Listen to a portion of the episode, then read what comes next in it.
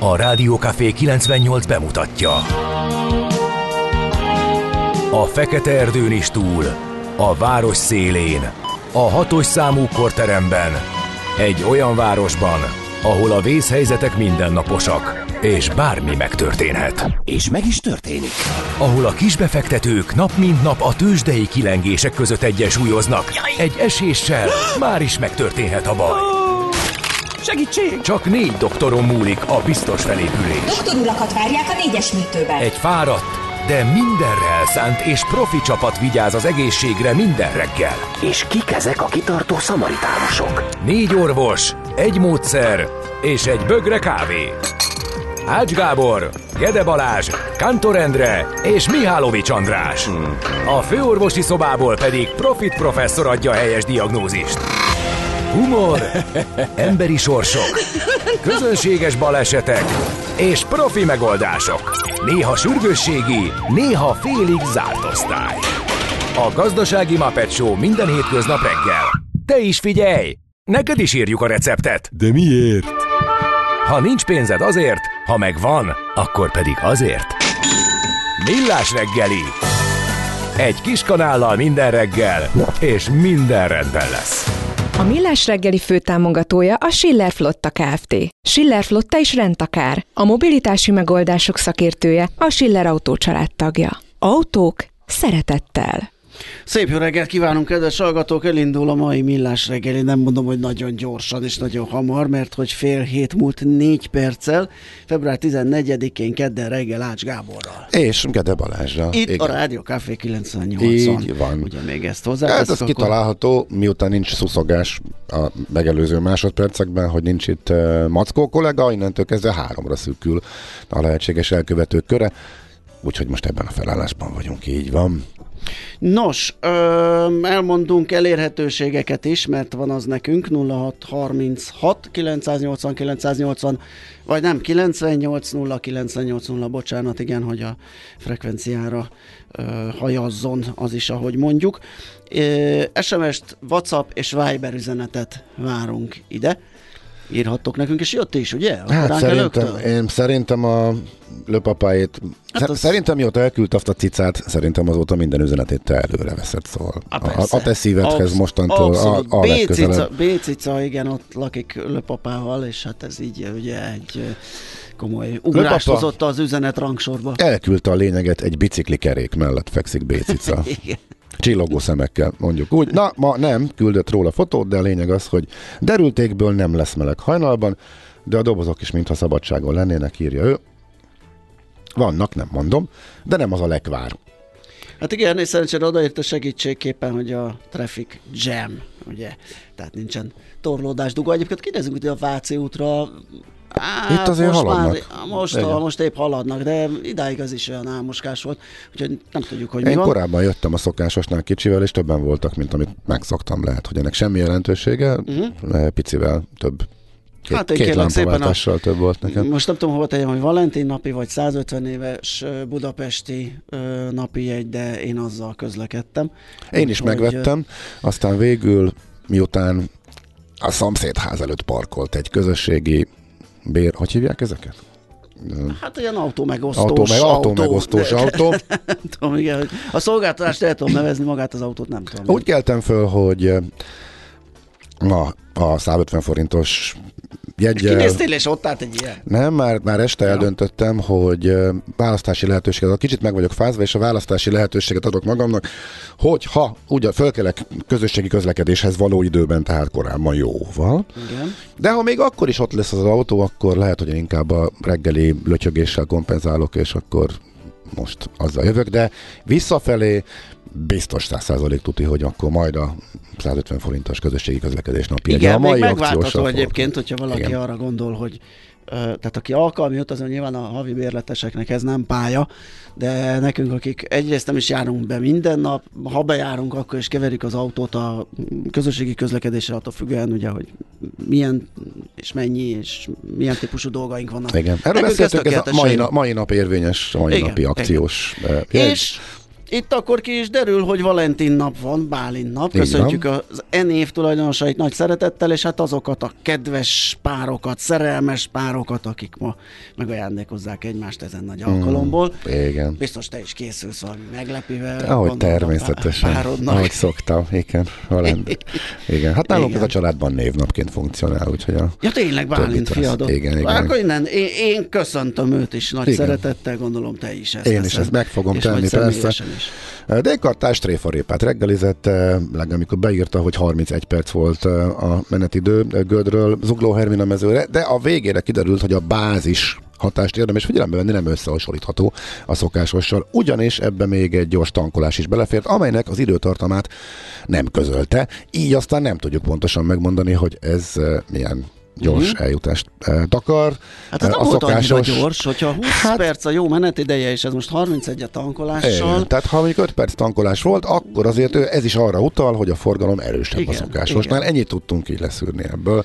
Pontos adatok hiány. Vadkovászos jó reggelt ezt kaptuk, majd mindjárt rákattintasz, mert elugrott, nekem csak felugrott, aztán elugrott.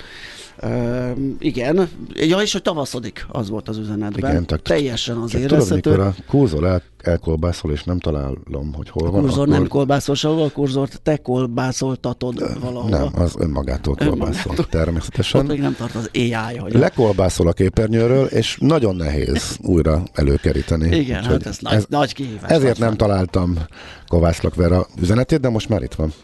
Ó, annyi, hogy szeretem. Szerintem tavaszodik vadkovászos reggel. Igen, szerintünk is tavaszodik. Ez látszik abból is, hogy már szépen világosodik. Meg tegnap pulóverben lehetett hátat sütetni a 10 fok fölötti napsütésben. Igen. Ez tök jó volt. Szerintem idén először, mert hogy amikor hasonlóan meleg volt korábbi hetekben, januárban is, akkor ahhoz mindig szakadó eső társult.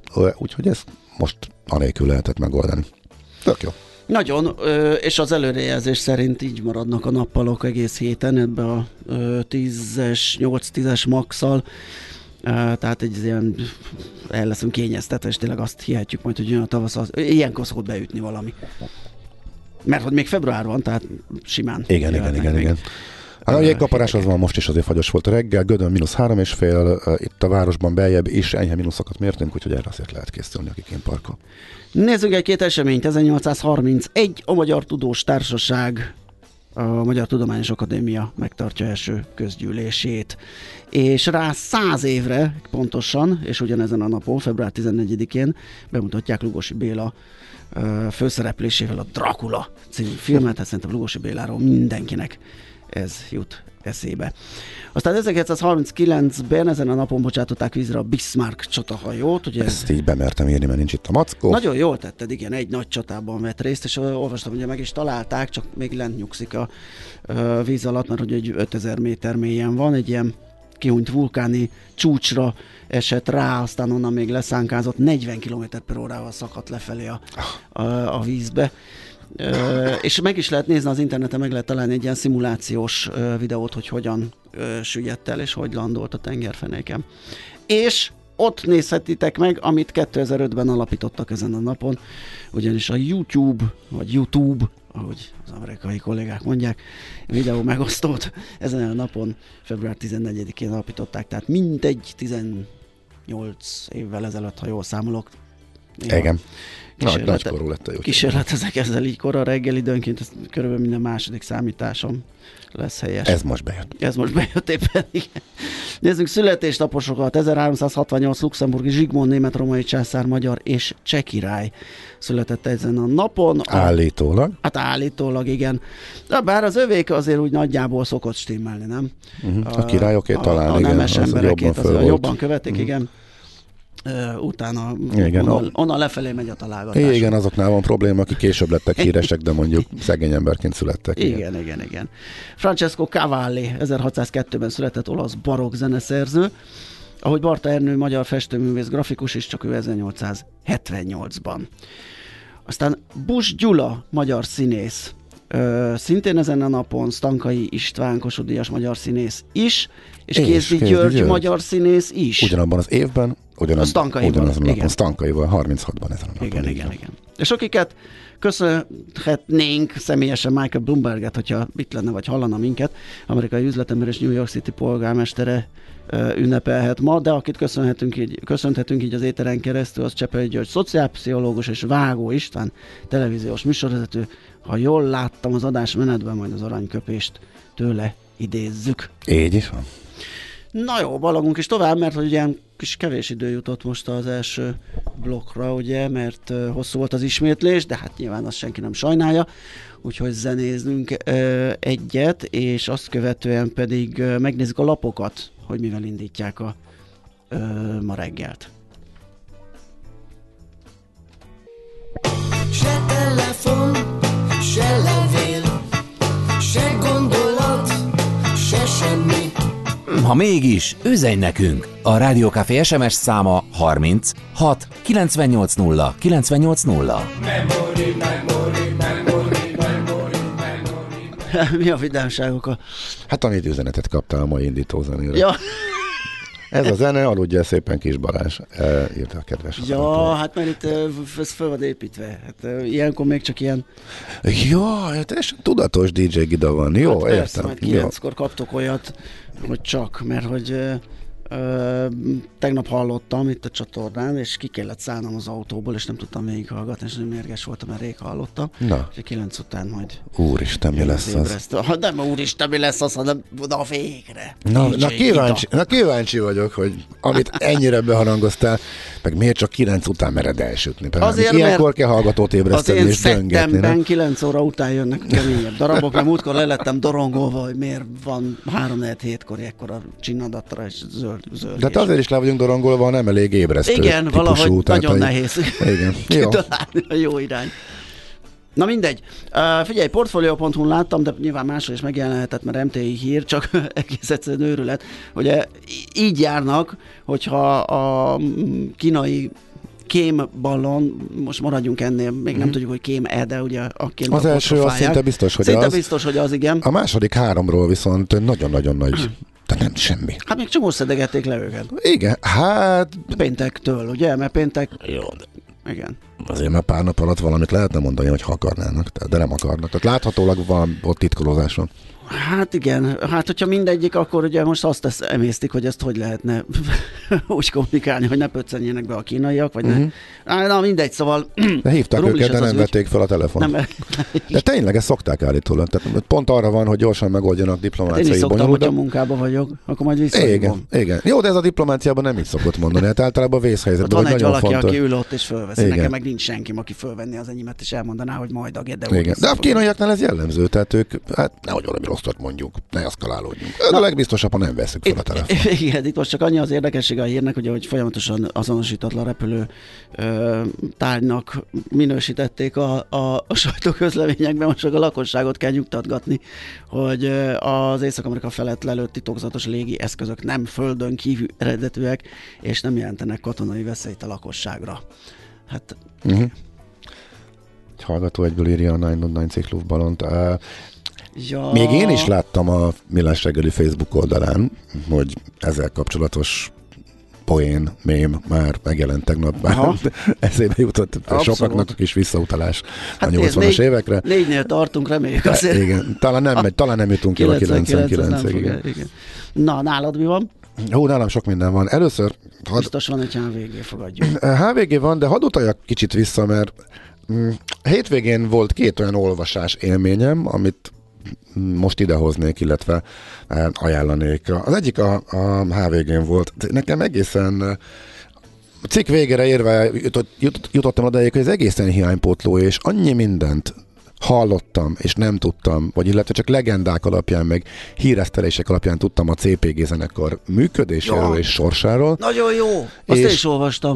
Egy zseniális interjú van, Venkő Zoltán Gözővel, a CPG alapítójával. Tehát a név sem az volt, amit sokan belemagyaráztak Nem, ugye? már. Tehát A Cerberus Spán Gang szerintem az, a, és egyébként egy csomó azt terjedt el, aztán meg nem is tudom milyen változatok voltak, nekem is új volt az, hogy a, Hát utána rengeteg rasszista utalás, Igen, stb. igen, igen, stb. igen. És hogy hogy mosták össze őket, egy valódi rasszista zenekar nem voltak azok. És ültek, tehát ők azért nagyon sokat és komolyan ültek, és uh, rendszer ellenesek voltak, de mondjuk ugyanabban az évben, amikor a bizottság lemezt adott ki, ők az év nagy részét börtönben töltötték, pedig uh, még az egyik uh, Group. volt. Igen, volt. Nagyon-nagyon érdekes interjú az egész zenekarnak a, a történetéről és a 80-as évek Magyarországáról, úgyhogy tényleg őszintén mindenkinek ajánlom. Megkérdezték, hogy a CPG-ben játszom. Igen, pufrabosítottak, ez volt a címe, érdemes Hát akkor rákeresni. bizony, az simán olyan világ volt, úgyhogy ez, ez biztos, hogy nem túlzás. A másik, amit elraktam hétvégére, és elkezdtem olvasni, és tényleg nagyon hosszú, de nem tudtam abba hagyni, hát ez inkább egy családregény, vagy legalább minimum novella. Négy fiából három halálos beteg, egy csupán hallássérült. Egy család tagjainak a sorsa. Report Túr Istvándiból, hogy betegséget, nagyon súlyos betegséget örököltek a család, örökölt a család egyik fele, csak fiók körében terjedő izomsorodásról van szó, viszont unokatestvérek közül volt egy srác, aki meg ki tudott, ki tudott törni, és most már a jogi egyetemre járt, de hogy ezt a szülei milyen kinkeservesen érték el, hány Budapestre költözési kísérlet, visszaesés nem fog menni segítség nélkül, inspiráló és szívszorító történet. Tényleg ajánlom mindenkinek. Négy fiából három halálos beteg, egy csupán hallássérült ez a e, cím, ez is e, valamikor a hétvége előtt jelenhetett meg, mert elraktam magamnak, és Erre azért rá kell gyúrni szerintem igen, igen, igen, igen, és, ez, és, és, és érdemes rászállni. De akkor maradva a maiaknál, e, a szerencsére a HVG csak 6.30-kor rakta fel azt a cikket, amit így nem tudtam végigolvasni, úgyhogy nem fenyeget az a veszély, hogy ismét egy 18 perces monológba bocsátkozom, eh, mert hogy az a ma reggeli nagy vezetőnek a címe a HVG-n, hogy Vízer vagy Ryanair, sokkal nagyobb a különbség, mint gondolná. Bukta Gábor Concord részvényelemzővel veszik végig, főleg gazdasági, eh, mármint így első ránézésre, emiatt főleg a gazdasági részt a két cég eh, között kíváncsi vagyok, hogy mi újdonságot tudok meg belőle, ha van valami, majd akkor eh, később eh, elmondom. A 24-en még, ami igazából eh, érdekes volt, eh, az, hogy eh, kiderült, hogy kik vannak a Vodafone boardban, illetve felügyelőbizottságban, és hát nagyjából minden új tag, aki bekerült, az eh, Rogán Antal köreihez eh, köthető, ezt eh, a kulcs pozíciókba ezt veszi végig a, a 24.hu eh, cikke. A G7-en pedig a miniszterek távozása még kevés lehet az egyetemi pénzek kiszabadításához címmel veszik végig azt, hogy mi kellene ahhoz, hogy valóban ne essenek el a kutatók, illetve az egyetemisták ezektől az uniós lehetőségektől. Úgy tűnik, és itt a Horizon programot, tehát a kutatási pénzeket taglalja részletesen, hogy mi kell ahhoz, hogy még ne bukjuk el, itt sokkal szűkebb a határidőt májusig meg kéne e, egyezni, csak sokan úgy e, készülnek rá, e, hogy talán lesz pénz, talán nem, de e, nem állhatnak le a munkával. Az Erasmus programok e, nálott azért e, nagyobb a játéktér, ott egészen nyárig e, lehet játszog, játszani, hát idézőjelben játszani, azok a feltételekkel, illetve azzal, hogy sikerül megfelelni az uniós elvárásoknak. A cikk szerint, ami eddig történt, az még édeskevés, tehát az, hogy politikusokat kiveszik a kuratóriumokból, az még e, semmit nem jelenteni, ezért vannak szigorúbb e, feltételek is, úgyhogy elsősorban a Horizon programoknak a részleteit elemzi a cikk, ha valaki Igen, azt olvastam én is ide befelé jövet, és még egy másik buktató, hogy ugye sokszor konzorciumba e, dolgoznak együtt az egyetemek, és úgy uh-huh. kapják meg a támogatásokat, és lehet, hogy például ilyen ugye túl zűrös az ítél, megítélése az alapítványi egyetemnek, akkor, akkor nem őt választják partnernek. Tehát egy ilyen, egy ilyen az, a- ebbe a partnerségi választási folyamatba, tehát nem, nem a, a szabályok megszegésébe is lehet probléma, hogy esetleg nem kerülnek be egyetemek a kutatói programokba. Szóval g7.hu, itt uh-huh. lehet ezt megtalálni. Van egyebünk, vagy megyünk, rohanunk tovább, mert az idő az halad. Az idő az halad. Hol zárt? Hol nyit? Mi a sztori? Mit mutat a csárt? Piacok, árfolyamok, forgalom a világ vezető parketjein és Budapesten. A tőzsdei helyzetkép támogatója, a hazai tőzsde gyorsan növekvő nemzetközi informatikai szolgáltatója, a Gloster Infokommunikációs enyerté. 226 pontot emelkedett a Bux tegnap, ez fél százalékos többlet, és 46.233 ponton állapodott meg. A forgalom nem volt nagy, 6,5 milliárd forint, és viszonylag egyszerű volt a képlet, minden vezető részvényünk emelkedett, a Magyar Telekom meg stagnált. A legjobban egyébként a MOL húzott, itt a vártnál jobb gyors jelentéssel kalkulálnak a befektetők, és már arra, arra vásárolgathattak, hogy elemzők is ezt mondják. 9,1%-kal 2820 forintra erősödött az olajpapír ára, az OTP 8,1%-kal 11.200 forintra erősödött, ahogy mondtam, a Magyar Telekom stagnált 366 forinton, a Richter papírjai pedig 5 forinttal 7945 forintra erősödtek. Hát az x elég uncsi volt, három papírra kötöttek összesen az Ébduferre és a C-Home-ra nagyon kis forgalommal, az Ébdufer esett, a C-Home az ugrott egy 10%-ot, és az Astra szám volt értelmezhető milliós nagyságrendű forgalomban 1,3% plusz. Amerikában az volt a kérdés, hogy a múlt heti bukó hét után a legrosszabb hete volt a piacnak idén. A korábbi nagy emelkedésnek egy jókora korrekcióját láttuk merre tovább. Tingli-tanglival indult a nap, a határidős előrejelző indexek is hol pluszban voltak, hol mínuszban, tehát a nagy nullából, kisesésből. Egyértelműen belevettek az első két órában, föllökték, eljött a fölfele korrekció a múlt heti rossz teljesítmény után, és ismét a technológia volt nagyon menő, a Microsoft és a Facebook, illetve a Meta vezetésével, és úgy nagyjából ennyi. Kész? Hát figyelj, itt a Zoller, és Jó. már megint úgy járok, mint Jó. régen, tehát rám néz, és, és kész. Már a sátáni kacajt érzem ott is, amikor hm, szóval egy percnél tovább tolom, akkor nekem végem van. Úgyhogy á, nem, nem, nem részletezném tovább. Tőzsdei helyzetkép hangzott el a Millás reggeliben. Ács Gábor, aki nem részletezi tovább három percen keresztül. Hát, ez, ez, ez eszméletlen. Miért Szia, Jó reggelt, jó reggelt. Hogy vagy? Jó vagy? Nagyon jól. Úgy érzem magam néha, mintha az anyukátok lenne. Hát igen, muszáj. Nézd meg, milyen rossz gyerekek ülnek. Karban. Egyfajtában dumálnak. Nehéz minket karban tartani, de... Hát karban, de igen, de te, engem különösen. De kordában, nem kordában. És hát, de te tudsz. Aki engem karban tart, az egy nagyon erős ember, de majd lesz ez másképp is. Mérvadó véleményt jelent. Már a, már a nézésed. Ja, értem. Úgyhogy meg a járás. Szúros szemmel. így, így is van.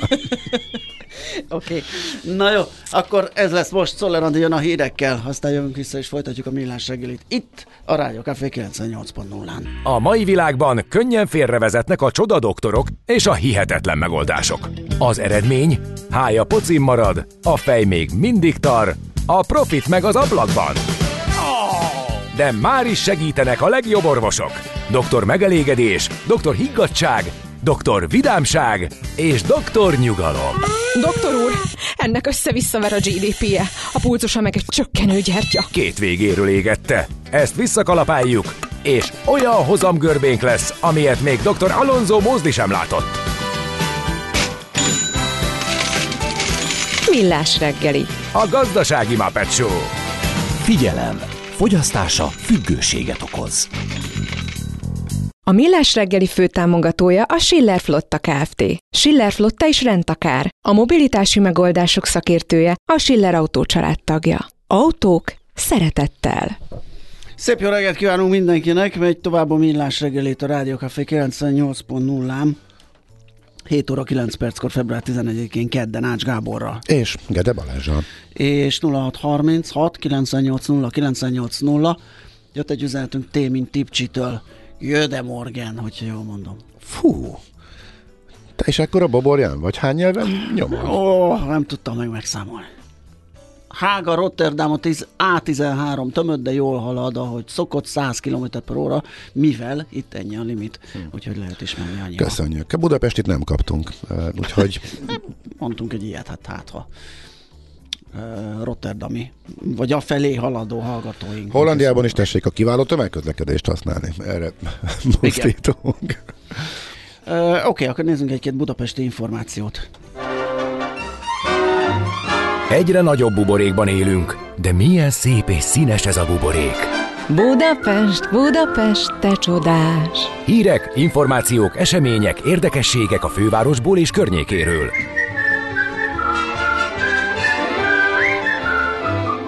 Hát nem sokára teljes vonalán lehetne járni a 3-as metrónak, Kérdés is. ugye, hát lehet is, kérdés, hogy lesz-e hozzá elég szerelvény. Igen, Czoller Andi már szerelvény. lelőtte a, ezt a sztorit. A népszava írt arról, hogy kevés lesz a szerelvény, mert hogyha teljes, mert sok a baj a felújított orosz metrókkal, és a szankciók miatt a pótlása is nehéz az alkatrészeknek. A BKV erre reagált, és azt mondja, hogy semmi akadálya, és nem lesz fönnakadás, amikor márciustól a teljes vonalon járhatnak majd. A, mert nagyon röviden ennyi egyébként a e, történet, nem feltétlenül kell orosz forrásból beszerezni, lehet máshonnan is, és a 30 plusz két szerelvény szükséges a biztonságos működéshez, plusz ezek a tartalékok, úgyhogy majd kiderül, amikor valóban indulunk, hogy lesz-e szerelvényhiány. Minden esetre a BKV állítja, hogy ez nem okoz majd problémát. Az a két szerelvény, amely tavaly balesetezett a kökin, arról beszélgettünk annak idején részletesen, hogy mi történt, az továbbra is üzemképtelen. Lehet, hogy azokhoz, ha jól veszem le, mert itt erre nem reagált a BKV, azokhoz valóban olyan alkatrész kéne, amit csak az oroszok tudnak szállítani, és emiatt csúszik a visszatérésük az üzembe, vagy olyan károkat szenvedtek. A mindegy, a lényeg az, hogy ezzel együtt, ennek ellenére azt ígérik, hogy fennakadásmentes lesz, tehát nem lesz e, melyik volt a kedvenc kifejezésed? A, a gördülő állomány hiány nem fog Igen, fönnállni. emlékszem, mikor az Andó. Gergő ezt egyszer lökte, az- akkor de nagyon lenyűgözött téged. Úgyhogy. Igen. Szóval le, Elfe- lesz elég vagon, magyarul. Elfejtettem azt a lukat, hogy hívják, amiben megy le a mozgó lépcső, de majd a hallgatók biztos meg tudják írni, mert az lenne a következő, amit majd bemagolok és megtanulok. Azzal egyszer találkoztam, amikor uh, 444 újságírói járták be az újonnan átadott uh, Már nem tudom, de rémlik csak. Igen, és ott, ott találkoztam vele először, de persze tökre kiment a fejemből, elfelejtettem, de majd megkeresem és megtanulom. Na, Arra- még egy rövid. Arra még emlékszem, melyikénél vidultál még föl, az űrszelvény. Hát az űrszelvény az a- már nagyon megy. Igen, Az- jó, a- de azt igen. használod is. Az Használom, jó, oké. űrszervényt, utascserét, azt, azt már magas okay. szinten használom a mondókáimban, és ettől azt hiszik, hogy valamit is konyítok az egészhez.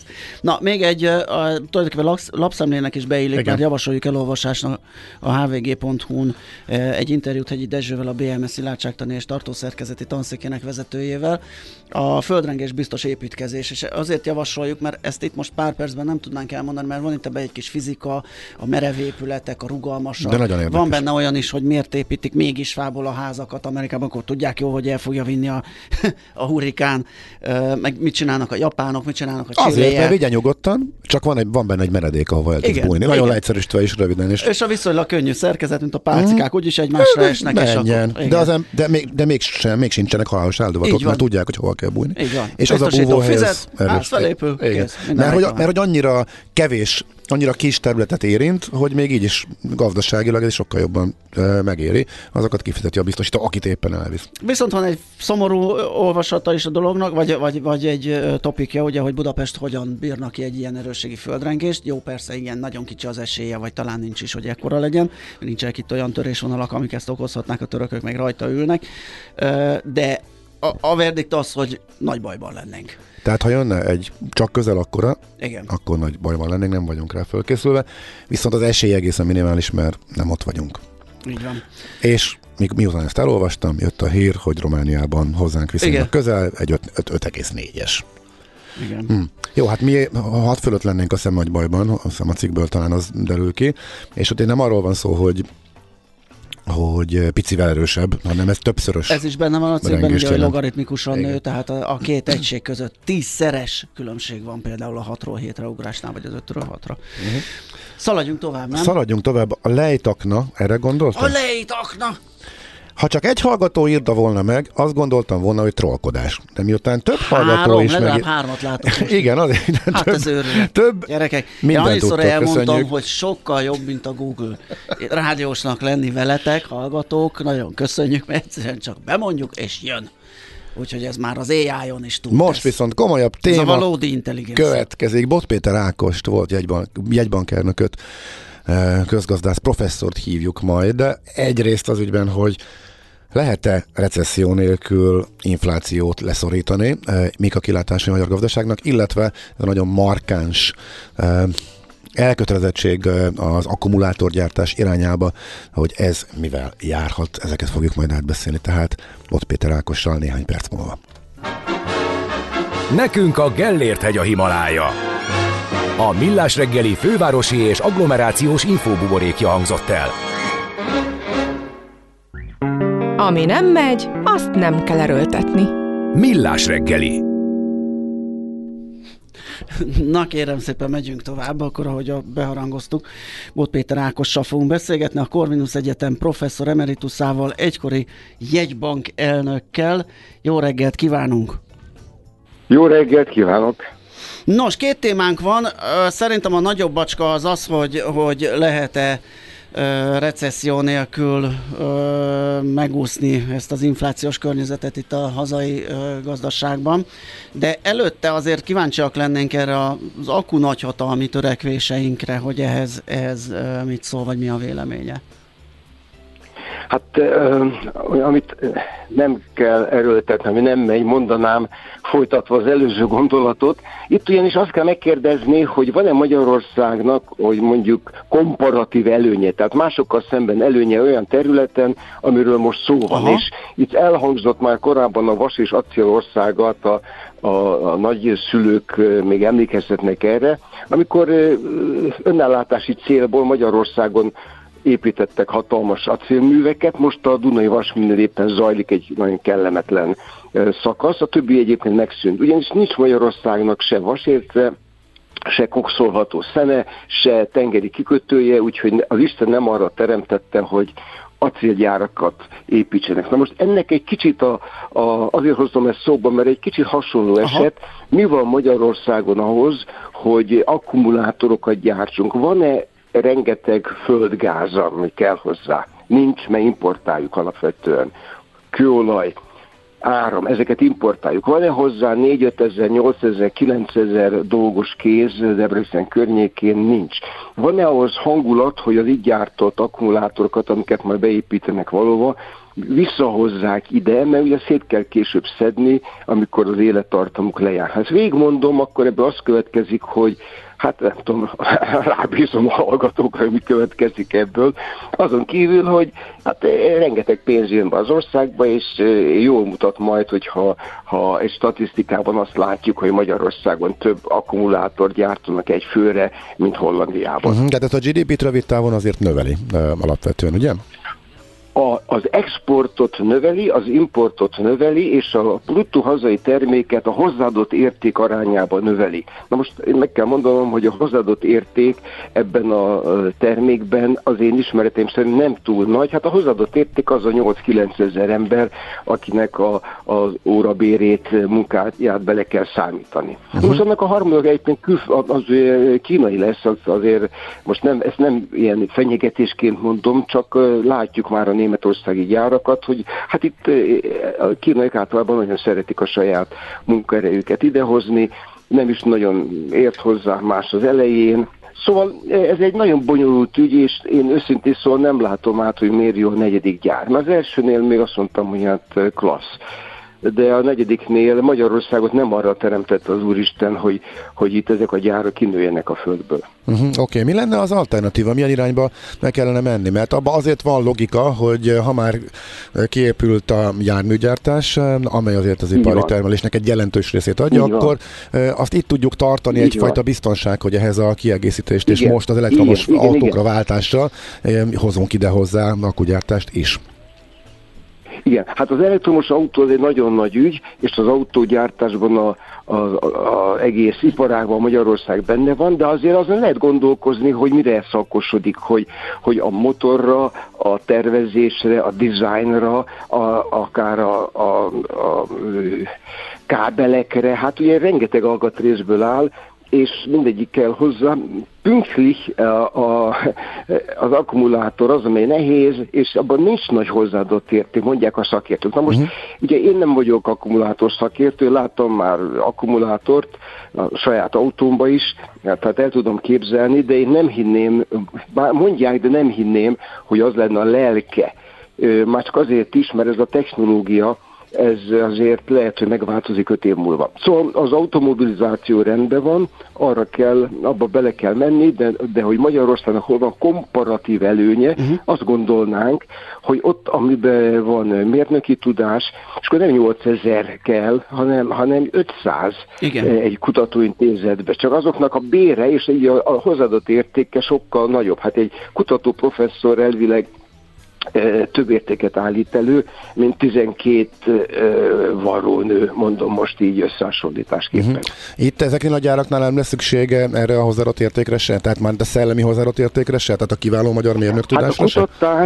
A, a kutatás fejlesztés azt nyilván Kínában csinálják. Ezt már láttuk egyébként a korai gyáraknál is, meg a, az autó e, gumiüzemeknél. Hát itt, itt nem folyik e, gumipari kutatás, hanem, ez, hanem gyártják a autógumikat Dunai város mellett. Tehát ne legyen illúziónk, hogy egy ilyen technológiánál, pláne a kínaiaknál az, nehezen elképzelhető, hogy innen fognak beszerezni bármit, vagy pedig a magyar mérnököket fognak nagy alkalmazni. Hát a, az építésnél az ők építik, a működtetést ők működtetik, és az összezerelésnél kell majd 7-8 ezer ember Debrecen környékén. Már most mondom, hogy az nem lesz, tehát az ide kell majd utaztatni valahonnan. Uh-huh.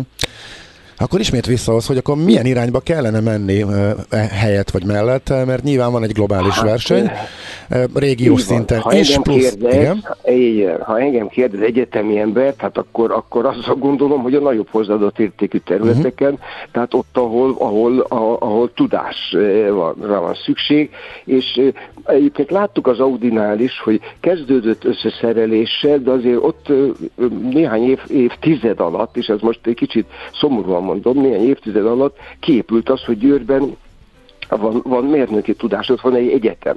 Tehát azt nem lehet azt mondani, hogy az Magyarország csak összeszerelő lett, hanem ott szép lassan kiépült. Na most én itt ezt gond, azért gondolom, hogy ezen a területen én nem látom azt, hogy Magyarországon van lenne olyan speciális tudás, amihez kell, de akkor, akkor mihez értünk? Hát rengeteg más mindenhez értünk. Hát csak mondom, hogy például az üzleti szolgáltató központokban, az a Share Service Center Budapesten van vagy 20 ezer ember, aki ezt csinálja, nem, nagyon nagy iparág, és ott, a- ott, ott, ott, ott HR van, ott IT szolgáltatás van, jogi szolgáltatás, pénzügyi szolgáltatás, hát a mi egyetemeink elvileg képesek lennének ezeket a szakmákat kiválóan ellátni. Hát ha egyetem embert kérdez, és nem csak mint volt ipari minisztert, akkor azt gondolom, hogy nem, nekünk nem az összeszerelő munkát kell forszírozni, az megy a leggyorsabban, mert egy járat ide raknak, aztán akkor hirtelen van 7000 munkahely. Én jobban örülnék, ha nem egy járban lenne 7000 munkahely, hanem 610 közepes méretű vállalatban, lehet az magyar hátterű, lehet az lengyel hátterű, lehet az észt hátterű, vagy olasz, vagy német, 40-50-60 mérnök gyárt valamit, amiből esetleg később világsiker lesz. Uh-huh. Na oké, akkor kanyarodjunk át Igen, a... a második kérdésünkre, másik mert az is egy jó nagy falat, gyanítom, hogy nem egy ilyen ö, több mondatban megválaszolható kérdés, hogy le lehet-e vinni a recesszió nélkül az inflációt. Magyarországon ugye meglehetősen magasak a kamatok, bár ö, ugye itt ö, ö, fiskális oldalról valahogy bezavart a monetáris intézkedésekbe egy-két intézkedés, de a lényeg az, hogy az infláció magas, azt meg A kell fékezni, Európában. és ezt hogy lehet megtenni Igen. recesszió nélkül, vagy meg lehet-e egyáltalán?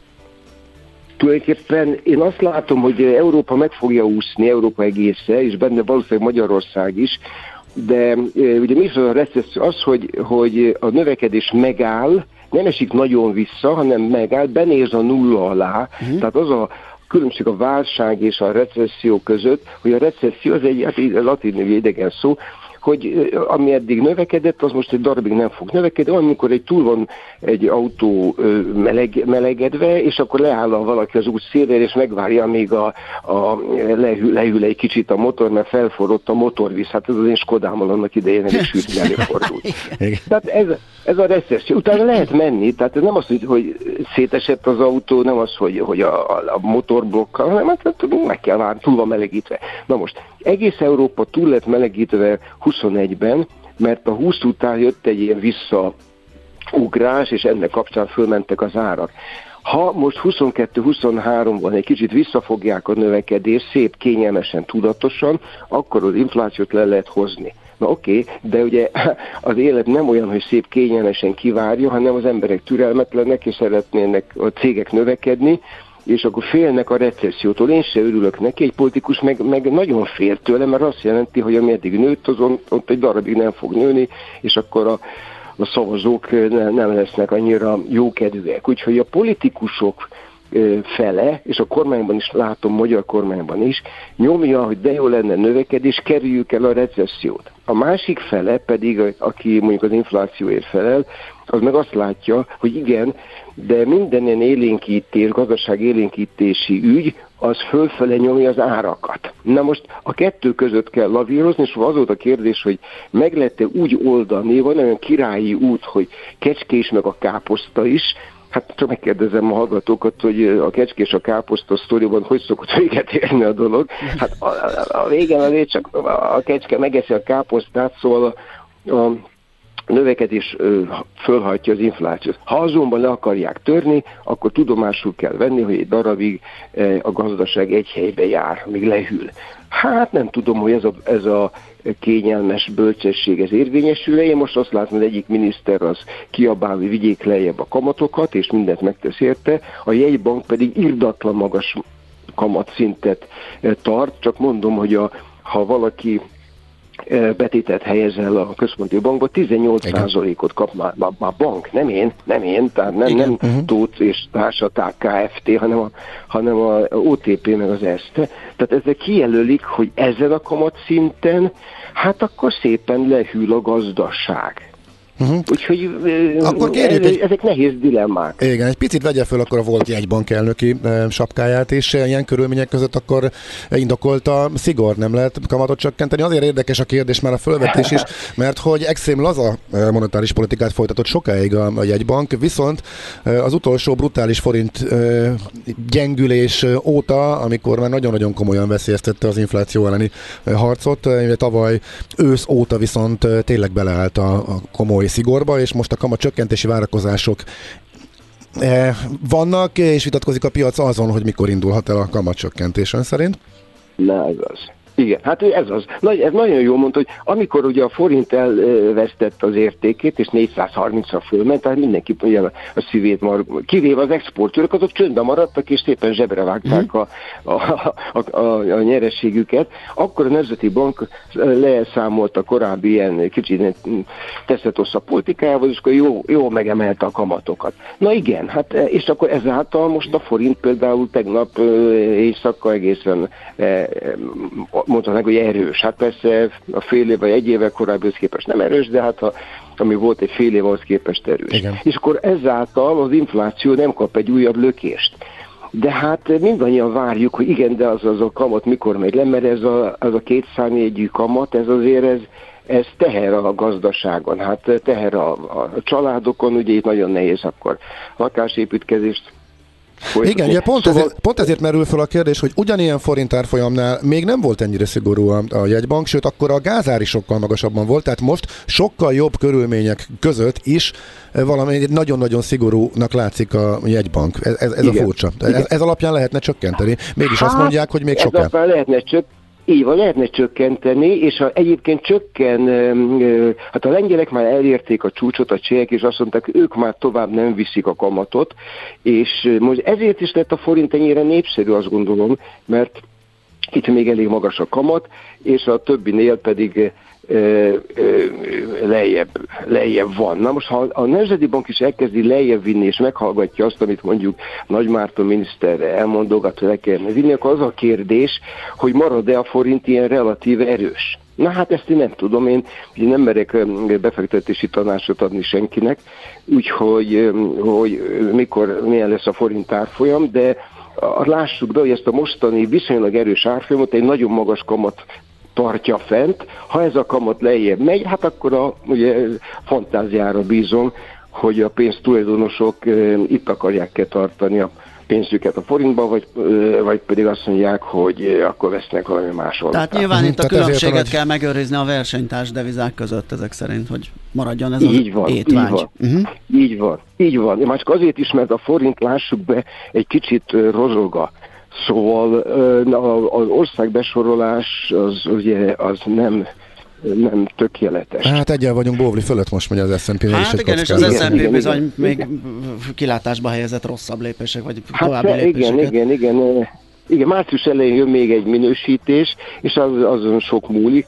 Közben a dolgok azért javulnak, mert hát ami szó volt, a gázár megy lefele, és Igen. a Magyarország roppant e, mód függ a gázártól. Egyébként visszavezet az előző témánkhoz, e, hogy, hogy miért, miért morgok a, az akkumulátor. Hát Nem az akkumulátor van a gondom, hanem az, hogy rengeteg gáz kell hozzá.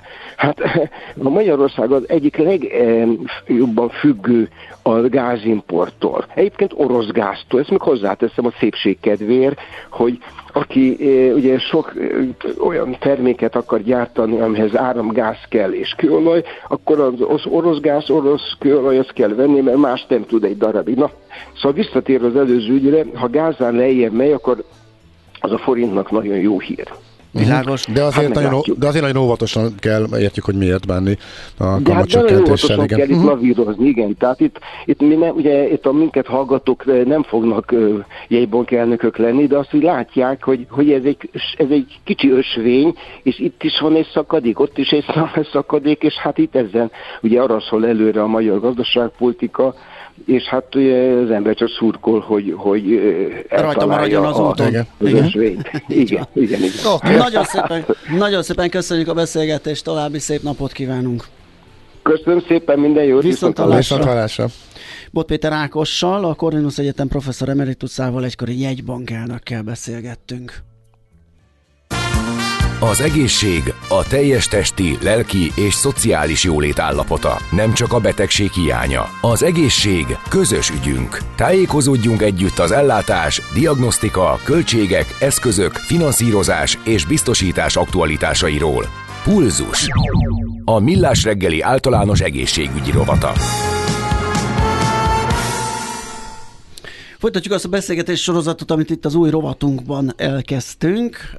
Vaszari Ádám van itt megint a stúdióban velünk, a Betegbarát projekt alapítója. Szia, jó reggelt! Jó reggelt, sziasztok! És hát ez a betegbarátság, betegközpontoság, majd mindjárt megnézzük, hogy ez miért fontos, de egyáltalán mivel is foglalkoztok, meg mi is itt ennek a projektnek, vagy koncepciónak a lényege? Igen, a betegbarát projekt gyakorlati szinten szeretné definiálni azt, hogy mit jelent, hogy betegbarátság. Mhm. Uh-huh. Sőt, egyáltalán megmértük, hogy az emberek számára jelente bármit az, hogy Hát betegbarátság. leülnek a nénik a közleti orvosnál, és ott dumálgatnak, mielőtt két és fél óra múlva szólítják Hát őket. az egy, Nem ilyen, szó? az egy ilyen vadhajtása, nem? Hála a jó égnek erről egy picit, picit, picit több van benne. Nem, tehát, hogy ugye megnéztük azt, hogy eleve egy nagyon furcsa kiszolgáltatott állapot elmenni orvoshoz. Van egy problémám. Fogalmam nincs, uh-huh. hogy mi a megoldás rá, és szeretnék bárhonnan valami megerősítést kapni abban, hogy jó volt a választásom, ugye most a magánegészségügyről beszélünk inkább, most első körben, jó volt a választásom, és jó helyre mentem. Megpróbáljuk ezeket a tényezőket egy picit összegyúrni, egy listába tenni, és meghatározni azt, hogy mik azok a döntési szempontok, ami alapján én, mint laikus, aki nem értek a problémához, abban meg tudok győződni előzetesen mondjuk, hogy jó helyre megyek, jó helyen vagyok, ott megfelelő ellátást kapok, mert szakmailag nem fogom tudni felmérni azt, hogy milyen, milyen Igen. fogok kapni. Honnan szedtük ehhez eddig az információt, arról van tudomás? Meg gondolom ez, ez is, mint ahogy oly sok ö, esetben ilyen ismerősi, baráti ajánlás, mert az a tuti, amit mond a Jóska, ő is annál volt, akkor én is oda megyek. Nagyon sok ilyen van, hál' Istennek ugye vannak szakportálok, vannak olyanok, akik megpróbálták listázni, de mi elkezdtünk, és ugye az ipsos közösen csináltuk meg ezt a kutatást, megnézni azt, hogy mi az alapja, tehát mi az, amit az emberek azt mondanak, hogy igen, akkor ez az a, ez az, az ismérvrendszer, ez az a betegbarátság, amit, amit én keresek ahhoz, hogy tudjak dönteni. Alapvetően nagyon sokan, ugye Dr. Google, stb. stb. Tehát, hogy próbálunk ilyen jellegű információkból keresni, de mégis, amikor fizikailag mondjuk belépünk egy intézménybe, még ott is számos behatás ér minket. És, mi, és mi derült ki? Igen, illetve milyen, mi, mi a rangson, milyen prioritások Igen. vannak a A tekintetben. hogy- igen. igen. Alapvetően ugye nagyon-nagyon érdekes, ugye a múltkori alkalommal beszéltünk arról, hogy mennyi embert érint ez, nagyon nagy százalékban veszik ugye igénybe a magánegészségügyet, de amikor megnéztük azt, hogy mi a fő döntési szempont, és hogy a teljesen egyértelmű árérték arány után rögtön egy olyan elem jön, ami, ami betegbarát ismérvnek tekinthető, ugyanis mennyire kedvesen szólnak hozzám. egy adott intézményben. Ez a második legfontosabb ismérv, és akkor ezen egy kicsit felnyílt a szemünk, hogy no, akkor ezt kutassuk szépen végig, és egész pontosan ki tudtunk mutatni arra vonatkozóan konkrétan üzleti előnyt, hogyha valakinek beteg barát szolgáltatása van, vagy ez, ez kapcsolódik az adott szolgáltatáshoz, szolgáltatóhoz, sokkal magasabb arányban tud konverziót elérni, sokkal több beteg megy oda, és sokkal többen veszik elsődlegesen figyelembe, hogy oda szeretnének Itt mit jelent a konverzió? Konverzió az, hogy mennyire ismerik az adott ö, egységet, az adott magánegészségügyi intézményt, és hogy mennyire tekintik azt, hogy ők figyelembe vennék a döntésüknél, Mhm. mm. hogy oda mennek. Tehát ezt is le tudtuk mérni, és összességében amúgy volt egy nagyon-nagyon érdekes helyzet, hogy mi egy százas skálán igyekeztük ezt mérni, felmértük a top 30 szolgáltatót, és alapvetően 35,5 pontot értek el a top szolgáltatók a betegbarátság ö, ö, ismérvére tekintettel. Ugye felmerült bennem az, hogy amikor a gimnáziumban mondták, hogy hát mennyi kell a ketteshez százalékos arányban, tehát hogy nem tudom, hogy elérjük el ezt a szintet. Tehát van még mit javítani. Van itt egy észrevétel kérdés, ez múltkor lemaradt, emlékszem, és most Mhm. újra küldte a kedves hallgató, hogy igenis kell a minőséget vizsgálni. Pár napja orvosként voltam panaszok miatt belgyógyászaton. A mm, egység belgyógyásza olyan messziről vizsgált meg, hogy azzal már negyed évben kibukott volna az egyetemről, és olyan leletet adott, amiben még, meg se, amiben mégsem vizsgált, meg sem kérdezett tételek szerepeltek. Ezt én láttam, egy laikus azt hitte volna, hogy ez egy jó ellátás, Ö, viszont ő orvosként látta, hogy ez nem stimmel. Igen, ez olyan gyakori, hogy bemegyünk egy adott intézménybe, és szinte ránk se néznek, és elkezdenek gépelni. Aha. Nem, nem szidva senkit, aki, aki adott esetben az ellátásban részt vesz, de ugye ezért próbáljuk azt visszajelezni nem csak az emberek felé, hanem az egészségügyi szolgáltatók felé is, hogy nem csak a minőségi szolgáltatás, maga a szolgáltatás kommunikációja, hogyan adom át, hogyan, hogyan viszonyulok hozzá. Egyáltalán az, hogy milyen a rendelő, hogy néz ki, uh-huh. a tisztaság. Elképesztően magas értéket kapott, és nagyon sok javítandót találtunk ezen a területen. Maga az, hogy kényelmes, hogy mennyi, mennyire könnyen tudok időpontot foglalni, mennyire segítenek nekem abba, hogyha át kell menni valahova, Aha. akkor én magamtól találjam meg, vagy, vagy De elirányítanak. gondolom akár már a megközelíthetőség, Hát már az is, már tehát az a is. logisztikai Igen. kérdések is. Igen, tehát hogy ezeket így összefoglalva elkezdtük definiálni, és elkezdjük időről időre visszamérni. Pontosan azért, hogy ez szisztematikusan javulhasson, mert ha ezt nem mondjuk el, és nem próbálunk erre egy standardet létrehozni, akkor ugyanaz lesz, hogy mindenfélét hívunk annak, ami közben nem is az. Mhm. Ezek mennyire kideríthető, hogy ezek ilyen, ilyen alapelvárások, amik így jönnek zs- zsigerből, és mennyire az állami egészségügyi rendszerbéli csalódások hozzák ezt, hogy esetleg nagyítják föl. Ugye említetted, hogy a második helyen ott áll az, hogy normálisan szóljanak hozzánk és kezeljenek. Ez most lehet olyan is, hogy ezt mindenkitől elvárom, de lehet olyan is, hogy ez fölnagyul azáltal, hogy tudjuk, hogy hát ott egy nagyon rosszul fizetett öreg néni majd a betegirányítóban ránk röffent, és mond két olyan mondatot, hogy már nincs is kedvünk az egészhez. Nyilván ugye magánegészségügyről beszélünk, Igen, tehát valami igen. miatt választjuk azt, hogy mi egy alternatív útvonalon indulunk el, vagy mert nincs időpont. Ezért nagyon fontos, hogy legyen időpont, vagy hogy kedvesen szóljanak hozzá, vagy ami nagyon komolyan kijött, hogy szálljon rám elég időt a doki. Legyen elég ideje arra, hogy fizessem meg azt az időt, hogy legalább fél órán keresztül velem foglalkozzon. Tehát ezért mennek elsősorban az Igen, emberek. igen, igen, igen.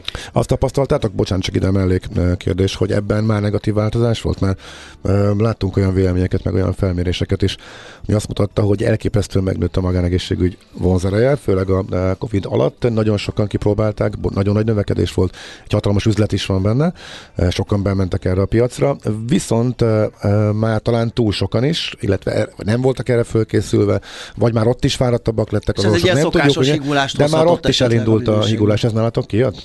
Ö, Sajnos ugye nincs, bá- tehát most van meg a bázisadatunk, Ja, Korábban arra nem volt, viszont most ezt rendszeresen fogjuk mérni, Aha, akkor a de a következő feltételezés nálunk is adott, igen, tehát hogy, hogy látható volt egy Tehát van ilyen. Igen. Aha. Fú, jött egy üzenet, azt megnézzük, hogy ö, valaki azt írja, hogy szerinte a magánegészségügy sosem lesz a, a, a, a komolyabb dolgok segítője, azaz marad az egyszerű többségében egy napos beavatkozási megoldás. Ez, ez, ez tényleg így lesz, vagy, vagy az a fejlődés, amit látunk, így az évekkel visszamenőleg a kezdetekkor. Ugye először bejöttek a magán szektorba a diagnózisok. Ugye azt tudtuk, azt viszonylag, nem mondom, hogy alacsony pénzből, de a gépesítés egyszerű volt, megvette a diagnosztikai eszközöket, azt ki is tudtuk már fizetni, és akkor innen lépegetünk föl. Én el tudom képzelni, hogy a lépegetés vagy a lépcsősor végén ott lesznek a nagyon komoly beavatkozások, nagy műtétek és minden. Hát az, hogy most Magyarországon megtörténik-e vagy sem, ugye ez szabályozói döntés lesz majd, meglátjuk, Aha. hogy megtörténik-e. De az, hogy ö, nyugaton Tehát vannak bizonyos típusú beavatkozások, amit nem is engednek a magánszektorban? Van, amit nem is lehet, vagy annyira, annyira, annyira drága egyébként, hogy ahhoz az eszközöket megvenni, meg hogy ott, tehát hogy az egy, az egy nem megtérülő szolgáltatás, vagy nagyon hosszú távon. Ar- Arról Értelemszerűen beszélek, tehát azt gondolom, hogy az a, a, van, az, van az ez a piaci, az igen. nyilvánvaló. De ugye múltkor beszéltünk arról, hogy például fogászat, hogy mennyire teljesen egyértelmű már, hogy bármilyen fogászati beavatkozásra most én már nagyon ritkán gondolkozom abban, hogy, hogy elmegyek mondjuk állami beavatkozásra, mert hogy ott már ez kialakult. Tehát igazából ez csak kvázi döntés kérdése, hogyha Igen. elindul ebbe az irányba. Szerintem lesz még egy ennél nagyobb fejlettség, és lesz mindig olyan, amit nagy valószínűséggel csak társadalombiztosítás keretében lehet majd megengedni, de azért valószínűleg, valószínűleg ebben lesz Ja, hát a fogászat arra példa, szerintem az állam add- addig züllesztette, hogy mindenki, aki rákényszerített az embereket, hogy azért, hogy normális szolgáltatást kapjon, az Két- nyúljanak a két- zsebükbe. Két, két irányba nyílt az olló. Tehát az állami kezdett nagyon leépülni, régi eszközök, nem túl jó szolgáltatás, a magán az meg irgalmatlanul megy föl. Tehát most már nem tudom én hány dés, mindenféle felvételek, olyan eszközök, olyan menthetetlennek látszó fogakat is visszahoznak, amit simán kikapnak mondjuk az STK-ba, mert nem tud vele mit kezdeni. Igen. Igen, csak ugye a kedves hallgatónak visszajelzésként, tehát hogy ott már ez természetes, tehát én azt gondolom, hogy el tud indulni ebbe az irányba az egész. Világos. Na hát ezzel folytatjuk, lesz még egy-két epizód, amit átbeszélünk. A jövő héten többek között egy versenyről is lesz szó, Így van. remélem. Jó, Így van. az, Így az van. már jutott eszembe, hogy lelőhetem-e, ugye, mert az indulás egy bizonytalan volt, de jó, akkor nem csináltam nagy marhaságot, vagy nem mondtam marhaságot. Vaszari Ádámmal fogunk akkor is beszélgetni továbbra is a Betegbarát projekt alapítájával, ahogy tettük most is. Köszönjük, hogy eljöttél Nagyon hozzánk, köszönöm. szép napot kívánunk neked. Mi balagunk tovább, és, és, és, és mivel is jövünk vissza? Három Hát kell, tovább hajhászod a népszerűséget eh, Red Hot Chili-vel, Rolling Stones-szal. Hallgatók azt kérdezték, hogy, hogy Ede vezérli otthonról a zenéket. Nem, itt a Nem, hát ezt DJ átvette Ede egy népszerűsködik, csak a... Szak... Pulzus. A Millás reggeli általános egészségügyi rovata hangzott el. Az egészségügy a társadalom mindenkori egészségkultúráját tükrözi.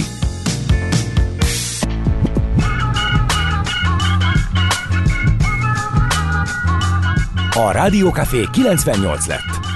Maradhat?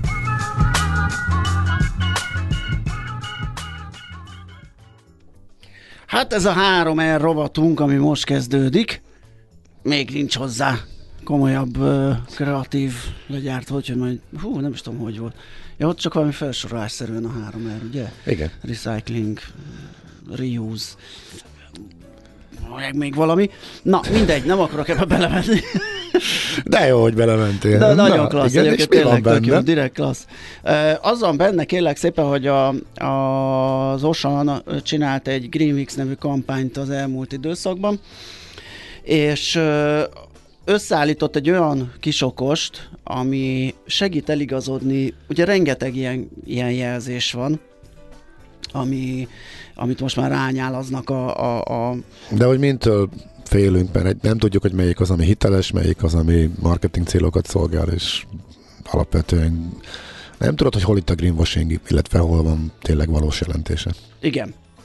Azt mondja, hogy rengeteg olyan, én szerintem mindegyik ismerős, illetve nekem egy nem volt az talán, nem, ez már kettő, és egyet nagyon ritkán látni, pont a legmenőbbet. Hú, ez föl kéne Hát én a felét nem ismerem, mert annyira nem Ja. figyelem, mert annyira nem bízom Jó. ezekben, tehát ezért is érdekes, hogy ezeket most megnézzük. Na, hát az egyik a Fairtrade, hogyha így az óra mutató járásával azonos irányba haladunk, ugye ez a... Honnan, honnan indulva? hát délről. Dél, dél van, nulla óra, és elindulunk az óra mutató járásával azonos irányba. Jó, Jó, és akkor megvan. Fair Trade egy ilyen yin-yang-szerű ö, embléma, embléma, az egyik oldala kicsit zöld, a másik kicsit kék, és, a, és egy ilyen karját lendítő ember alak formálódik belőle, szerintem ebből mindenkinek be fog ugrani, ez a az egyik legfontosabb és leggyakoribb védjegy, ugye a méltányos kereskedelem jelzése ez. Ez azt tanúsítja, hogy a terméket méltányos áron, tisztességes munkakörülmények között állították elő, ha ilyen terméket vásárolunk, azzal támogatjuk a fejlődő országok termékeinek egyenlőségét. A másik a Möbius szalag, ezt nem tudtam egyébként, hogy így hívják. Ugye ez a Pedig három, ezt ismeri mindenki. Ezt mindenki ismeri, ez a háromszögbe rendezett ilyen, ilyen nyilak egymás után egy ilyen forgást szimbolizálva. És Hallgató írja is, hogy nagyon menő dolog egy rádióműsorban piktogramokat leírni, és ezekről beszélni. Igen. Hát igen, ez mutatni Azért- jobb lenne, kétségkívül így van. igen, de azért mertük ezt bevállalni. Mert profin le tudod írni, azért. Ebben csak reménykedtünk, mi amikor beleszaladtunk. Abban viszont bíztunk, hogy ezek ismerősek, ezek a piktogramok. És amikor azt mondom, hogy három nyíl egymásba fordul, és a körforgást jelképezi, uh-huh. és Möbius szalagnak hívják, szerintem mindenki látja ezt a zöld. Ezt Mark Möbiusról, a neves befektetőről nevezték? Én ezt így nem gyanítanám, ő nem tudom mennyire zöld és mennyire reciklálja a dolgokat, de az lényeg, hogy ez most arra utal, hogy hogy a termék alkalmas újrahasznosításra. Tehát az, az nincs benne, hogy ez vissza is kerül, és, és újrahasznosításra is kerül, csak az, hogy alkalmas rá. Aha. FSC, ez a pipajel, tehát ez a tick szimból, ami ennek a szára tovább megy egy ilyen fácska felé, ugye ezt 93-ban hozták létre, és a fenn, fenntartható erdőgazdálkodást tanúsítja. A Demeter, ami nem is egyszerűsége, a Demeter feliratról szól, ez a legrégebbi, és az egyben legszigorúbb bioélelmiszer védjegy, ezt 28-ban már kitalálták és alapították, és Ez magyar? én ezt nem hiszem, hogy ez magyar lenne. Hát a Demeter, az egy magyar név, kérem szépen. Hát szerintem az olyan németes is lehet. Aztán az ICEA, hát ezt nehezebb lesz leírni, de ez a rövidítés található az emblémájában, ez egy olasz olasz társaság, ICEA, akkor így mondom, mert látom nagy a, a mulatság, eh, de akkor így jobban azonosítottam. Az a helyzet, hogy szerintem az, hogy melyik micsoda, azt nem kell elmondani. A leírásokra vagyunk kíváncsiak. Az Európai Unió legmagasabb minősítése a biotermékekre egy független laboratórium adhatja ki. Zöld pont. A védjegyek Na, biztosítják arra, hogy a termékgyártója befizette a Nemzetközi Csomagolás Hasznosító Szervezet részére szükséges díjat. Én ezt érzem a leggyengébbnek, mert itt az látszik, Mhm. hogy itt kiperkáltuk, aztán letudtuk az egészet. Van ez a zöldbreki Rainforest Alliance tanúsítás célja a fenntartható termékek biztosítása, aztán van egy 100% ripet. Na, én ezt nem láttam még. Én se? Itt van ez a, ugyanez a nyilak egymásba fonódva, és egy palack elfektetve, és azt mondja, hogy 100% ripet. Egy olyan eljárással készül, amely során a PET anyag kerül újra felhasználásra, így a PET palack többször kerül felhasználásra. Andi látta az Ökotex standard százat, hol láttad? Hát mindenféle ruhákon. Ez ilyen ruhacuc, aha, textiliparban oké, használt védjegy. Akkor én ezért nem láttam. Jó. Ja, mert te nem... Ja, a tiéd olyan régi, hogy azon már még nem nyomtak ilyet. Nem tudom az elmúlt hány, mikor vettem utoljára új pulóvert. Európai Unió most akarok éppen. az Most majd utolsó. figyelem, majd figyelem. Ezt a tanúsító védjegyet 92-ben hozták létre azért, hogy tanúsítsa egy adott termék magas minőségét és a környezetbarát eredetét. Igen. Hát ez kiváló volt. Á, még lett volna néhány piktogram. Úgy elhallgattuk volna, hogy a Balázs leírja őket. De, de közben az a baj, hogy Direkt nem csinálta is. az. Ja, igen. Á, mégiscsak próbálta. föl kell, Igen. igen. És ami, amikor azt A gondolja, Möbius szalagot nem tudtam. amikor, Nincs három kezem. amikor a rádióban a piktogram leírásnál a gesztikuláció hozzátesz a Igen, igen, dolgokhoz valószínűleg. Na mindegy, egy hallgató beküldött egy Budapest Go szülinapjegyet, ami ma 150 forintért Hát az korlátolt elég utazásra furcsa. jogosít, és az neki lejár. És tényleg egy képernyő Én megnéztem, az nem képet jár küldött, az enyém se, nem, nem tudom, itt valami hiba lehet. Szerintem, hogyha ha, le, ha lejártat, mutat is, ezt megmutatva az ellenőröknek, biztos el fogják fogadni, mert tudják, hogy ez a mai akció, ez van, és megvetted, és ott van, szóval nem inni, hogy gond lenne fura egyébként, hogy lejáratot jelez. Igen. És főleg úgy, hogy tehát nem egy rendszerhiba és általános, akkor mind a kettőnknek így kéne kinéznie, hanem hogy van olyan, akinél úgy néz ki, reggel 8 órakor, hogy lejár a napi egy. Na, húzunk tovább gyorsan, mert hírek jönnek. Szoller Andi már itt is van. Jó, tényleg. Azért ez jó lett volna, ha beugrik, na mindegy. Uh, hírek jönnek Szoller Andival, utána jövünk vissza a millás reggelivel.